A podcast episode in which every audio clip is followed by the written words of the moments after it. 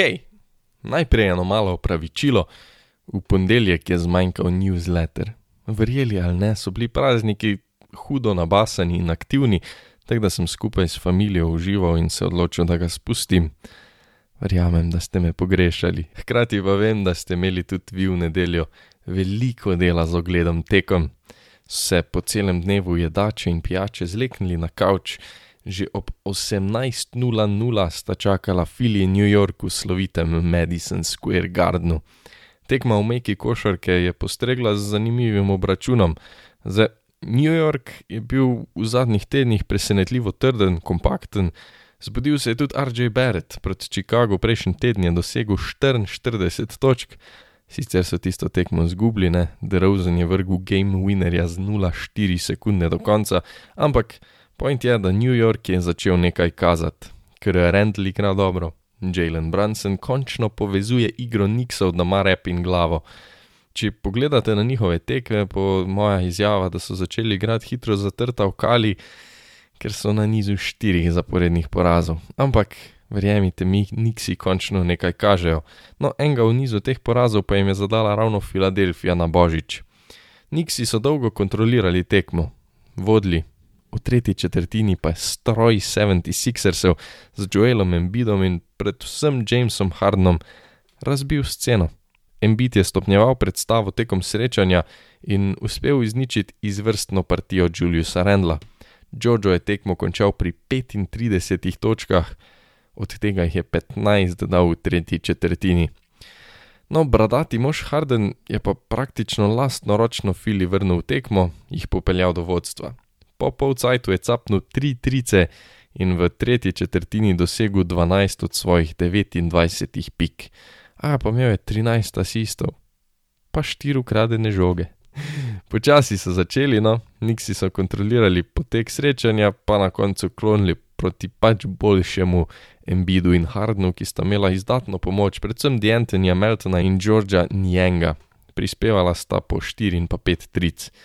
Fili je spet zelo, zelo počasi začel tekmo, kar lahko skrbi, ampak kaže obrise tistega, kar smo pričakovali pred začetkom sezone. Joel dominira, Harden organizira in z lahkoto nosi to drugo napadalno breme, tricaši ob boku pa delajo svoje. Za ta teden se torej vrača Tyrese Maxi, kako ga bojo asimilirali v moštvo, bomo videli, ker v času, ko se je poškodoval, so imeli kar nekaj probleme, zdaj v tem cajtu, ko ga ni bilo, so jih ogromno naslovili. Pa da vidimo, če je Tyrese dodatna rešitev ali mogoče majhna težava. Ob pol devetih na božič so nam dali pa Donkeja. Udaril se je proti Lebronu Jamesu in LA Lakersom brez Antonija Davisa, tako da je v obračunu zmanjkalo nekaj zvezdniškega sija. Obe ekipi letos sicer ne dosegata pričakovanj, no, eni sicer malo bolj kot drugi, ampak to je bil dvoboj obrazov lige in njune neverjetne poteze so bile kot vedno v središču pozornosti in predvsem vredne ogleda. To je bila tekma dveh polcajtov in tekma, ki je tako absolutno povzela obe moštvi. Letos se daleč, daleč, daleč, daleč največ pogovarjam gliho o Dallasu in Lakersih, nekako vse, kar neprestano omenjam, se je pokazalo na tej tekmi. Da povzamemo. Mavericksi so absolutno noro veliko in preveč odvisni od tric. V prvem polcajtu trice niso letele, trofli niso nič, Luka se je sicer nekaj trudil, podvajali so ga takoj, ko je dobil žogo, on je podajal na vzven, svoji igralci pa so rešetali nič, zero, nada. Ekipno je Dallas v prvem polcajtu metal 23 odstotno za 3. Ogabno. In pol je prišla tretja četrtina, Dallasu se je odprlo, začeli so zadevati in zadeli 9 tric od 13 poskusov, 70 posto. Tim Hardaway Jr. je skinil 4, Wood in Spencer Dinwiddie sta skinila 2. Dallas je poletel do 51 točk v četrtini, dosegli so več pik kot cel prvi polcajt, takrat so se ustavili pri 43. In to je čisti povzetek Dallasa in tista žalostna enodimenzionalnost. Ko skinejo, zmagajo, ko ne skinejo, nimajo rešitev ekipa, ki deluje na tak način, torej da so absolutno in brezpogojno odvisni od tric, ne more zmagati naslova, ker so preveč striki, preveč se zanašajo na to trico drugih akcij, drugih rešitev pa nimajo. Dončić pa žal ne more vsega sam. Uh, tu me je res razočaral Jason Kidd, no trener, ker ni pripravil akcij. Gledamo basically postavljanje blokov, donkejeve čarovnije in pa metanje tric njegovih soigravcev. No, na drugi strani je LeBron James capnil 38 pik. pač prav sramotno je, da Lakersi tako grdo zapravljajo še zadnja produktivna leta Jamesove kariere. Končal je celo pri pozitivnem plus-minusu in polti uleti Ras Westbrook z minus 30. Fuj.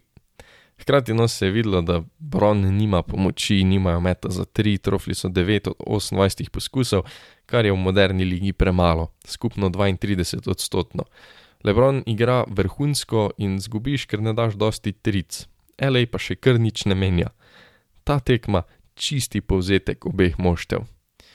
Tej tekmi pa je sledilo srečanje Milwaukee in Bostona, tekma, od katere sem jaz pravzaprav nekako največ pričakoval, pa bila na koncu mogoče celo najmanj zanimiva.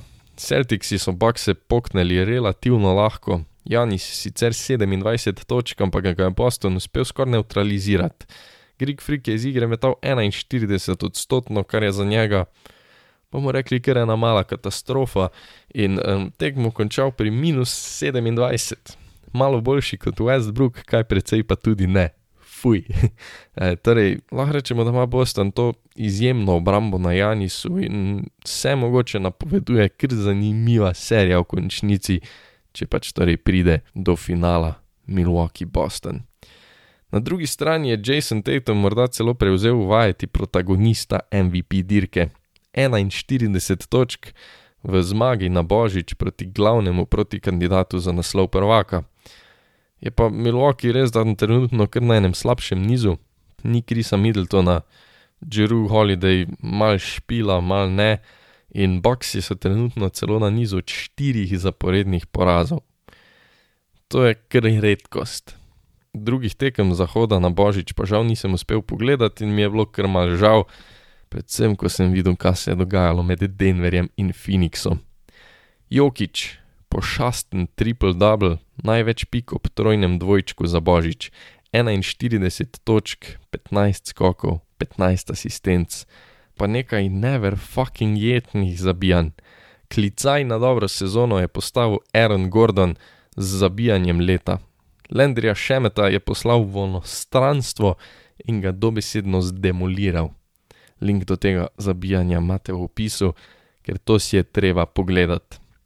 Bili smo že pri Luki, Dallasu, obdelali smo tudi že Nikse iz New Yorka in zdaj smo prišli do točke, ko se moramo načuditi prišli smo do mame vseh Dončičevih tekem, sam da ga ta ne jebe z brandingom. Zadnjo tekmo je Donke odigral za Oanale, zgodovino. Ena boljših predstav dobesedno ever. 60 točk, 21 skokov, 10 asistenc. In kakšna tekma. Pogovarjamo se dobesedno o eni najboljših partij posameznika vseh cajtov. Hkrati pa je imela tekma še tisti X-faktor drame, klač pridiha. Ampak da gremo lepo po vrsti.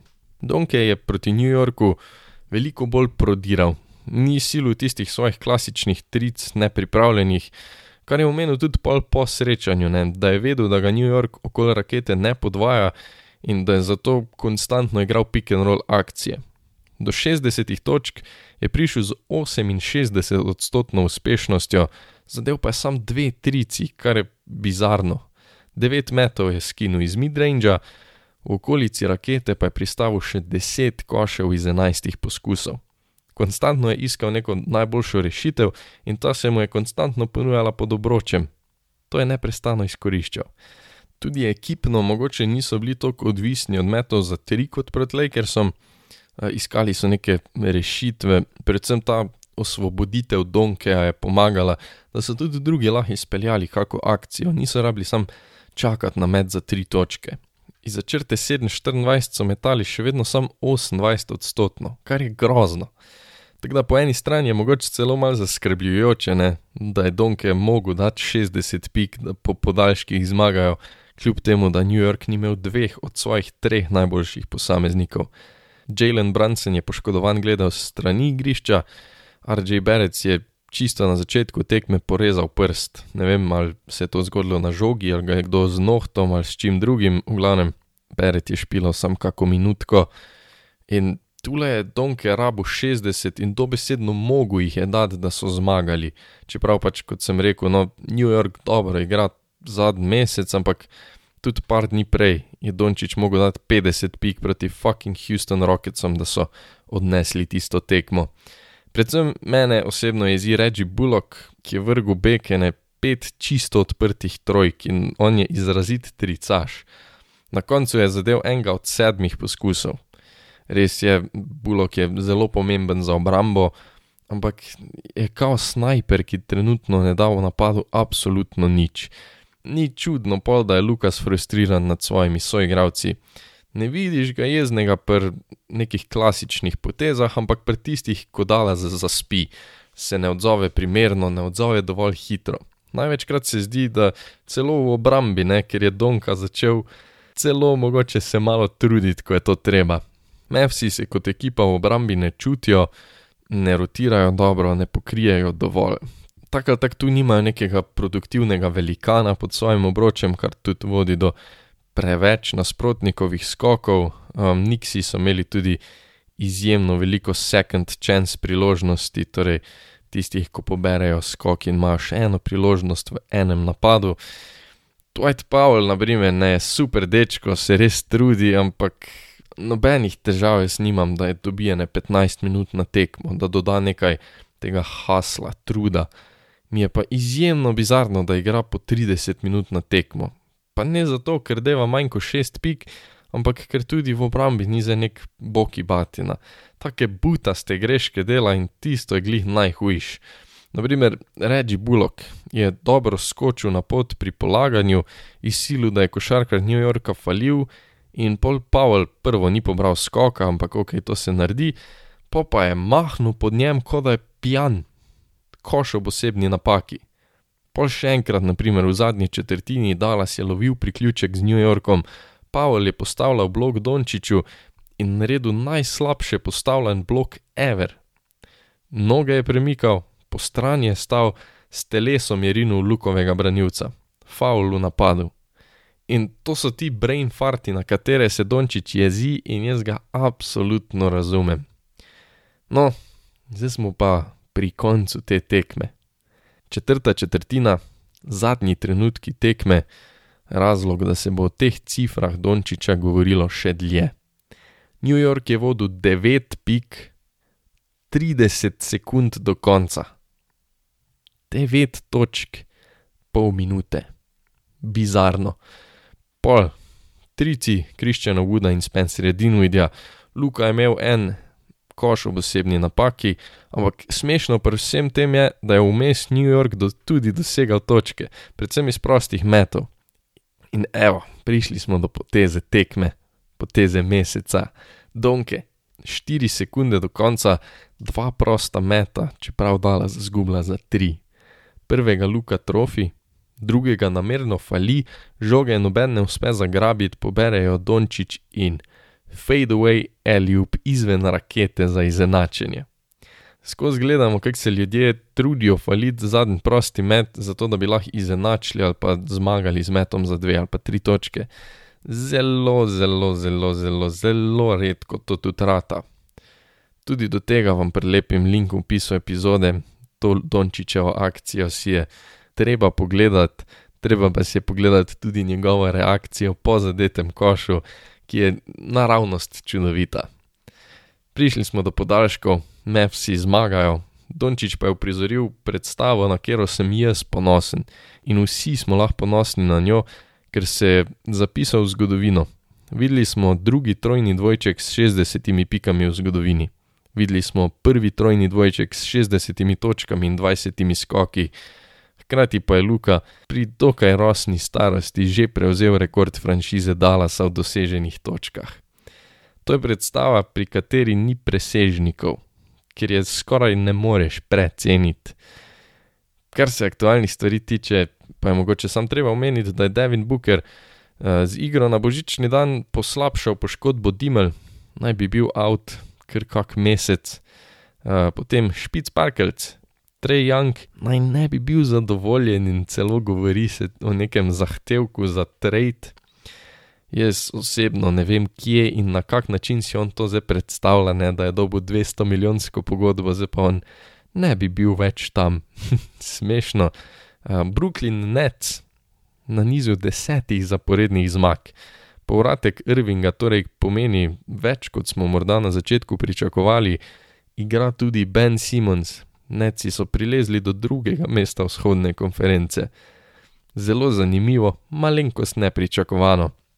Na zahodu Golden State na nizu treh zmag tudi brez Stefa Krja, Sacramento Kings so na mestih, ki peljajo direktive v končnico, Minnesota Timberwolves in LA Lakers pa so trenutno celo izven play-in turnirja.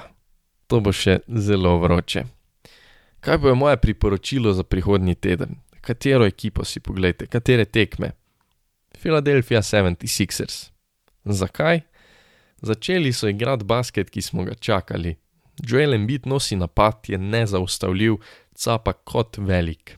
James Harden prispeva točkovno breme, predvsem pa se je nek strah, ko ima žogo v rokah, najde svoje igralce, prodira, meče za tri. Dienten in Melton prispeva tisto, za kar so ga pripeljali, dobro obrambo, trice. Tobias Harris ni tisti zvezdnik, tako pogodbo, ko ima, ampak ima pa tako tiho, produktivno in dobro sezono. Fili se sestavlja in zato si jih je vredno ogledati, še posebej pa zato, ker so se sestavili medtem, ko je bil Tyrese Maxi poškodovan. Maxi je ratal letos, bomo rekli, izrazito tretje ime ekipe, vsaj kar se napada tiče. Zdaj je bil kar nekaj tednov poškodovan in Fili je zdaj začela igrati. Vprašanje integracije zelo pomembnega člena, torej Maxi naj bi se vrnil ta teden, ostaja, ker veliko igra, rabi žogo, rabi svoje mete. Zdaj se bo vklopil v to izboljšano moštvo ali bojo spet nastale kakšne razpoke, bomo videli. 76ers imajo ta teden tako malo mešane tekme, dvakrat se pomerijo z New Orleans Pelicansi, najboljšo ekipo zahoda, ki jih bo po moje kar namatrala. Veselimo se lahko tudi dvoboja Zion in Beat, dve fizični pošasti. No, poleg Pelicansov pa igrajo še z Oklahomo in pa Indiano. Oklahoma sicer igra veliko boljš, ko zgleda njihovo razmerje zmag in porazov, hkrati ne bi smeli predstavljati večjega problema Filadelfiji, no na drugi strani ima pa Indiana veliko orožij, zdijo se povezani, gotovo bo malo težja naloga kot OKC. Fili čaka torej teden integracije, teden nekaj ekip, ki jih morajo tamaniti, in dva zelo, zelo zanimiva dvoboja z eno najbolj vročih ekip lige. Vredno ogleda. Evo, to je to za danes, drug teden, pa taka mal drugačna, zanimiva epizoda. Torej, do božiča, do praznikov se vzpostavlja ravnotežje v ligi. Ekipe se tipajo, po novem letu pa se kar nekako umestijo v posamezno težnostno kategorijo. Bodi si so težko kategorniki, bodi si njihov udarec nima glih preveč moči. Še en tak mejnik pol je tekma zvest, po Alstar tekmi se nekako odlomijo tiste ekipe, ko so na robu, ko so blizu playoffov, ampak se morajo res potruditi, da jih ujamejo. No, nismo še tam. Drug teden bomo govorili o Božičku. Tako dobra tretjina sezone je mimo, lepili bomo nalepke, statuse na posamezna moštva. Od največjih presenečenj, največjih razočaranj, do najslabše, najboljše ekipe in obratno. Tudi o favoritu MVP, favoritu za osvojitev naslova. Ne zamudite. Hvala, ker poslušate Overtime. V opisu imate link do e-mail liste NBA kolumne. Preprosto samo vpišete svojo e-pošto in moj članek dobite direkt v nabiralnik. Zelo preprosto, pazite, edino prvega bi vam znalo vršiti pod promocijo ali pa usiljeno pošto in to bi bilo čudovito, če ga prestavite. Dajte pofollowati tudi na Twitterju, Lukas Karlovnik, link do vsega imate v opisu. Um, res, res cenim vašo podporo, ogromno pomeni, če overtime komu priporočite, če se naročite, če ga delite. Hvala. Beremo se v ponedeljek, slišimo se danes teden. Fajn praznujte menjavo letnice.